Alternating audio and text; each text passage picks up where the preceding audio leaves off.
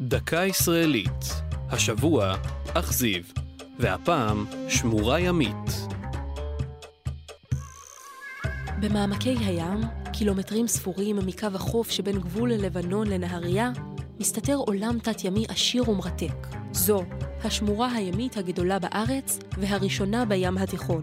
שמורת הים ראש הנקרא אכזיב, שבפיקוח רשות הטבע והגנים, משתרעת על פני עשרת אלפים דונם. אמנם חלקה הרדוד הוגדר כשמורה עוד בשנות ה-60, אולם לפני ארבע שנים הורחבו גבולותיה, ולאחרונה נפתחה לקהל הרחב. התפאורה מרהיבה.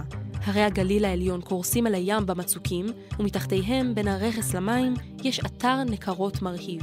מתחת לפני הים, עד 15 קילומטר מהחוף, מתגלים רכס כורכר, מערות ומחילות, והקניון התת-ימי היחיד מסוגו בחופי הארץ. בעומקיו, המגיעים לכ-800 מטר, מתקיים עושר מיני ייחודי. חלקם נשארים רק במצולות החשוכות, ואילו אחרים נודדים מהן מעלה. האיים הסלעיים בשמורה מעודדים התיישבות של מגוון מינים, המושכים טורפים.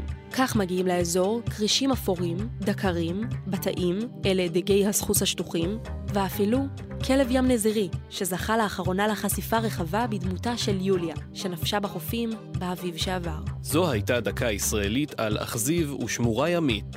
כתבה ליהי שפרבר, ייעוץ הדוקטור מיה אלעשר, עורך ליאור פרידמן.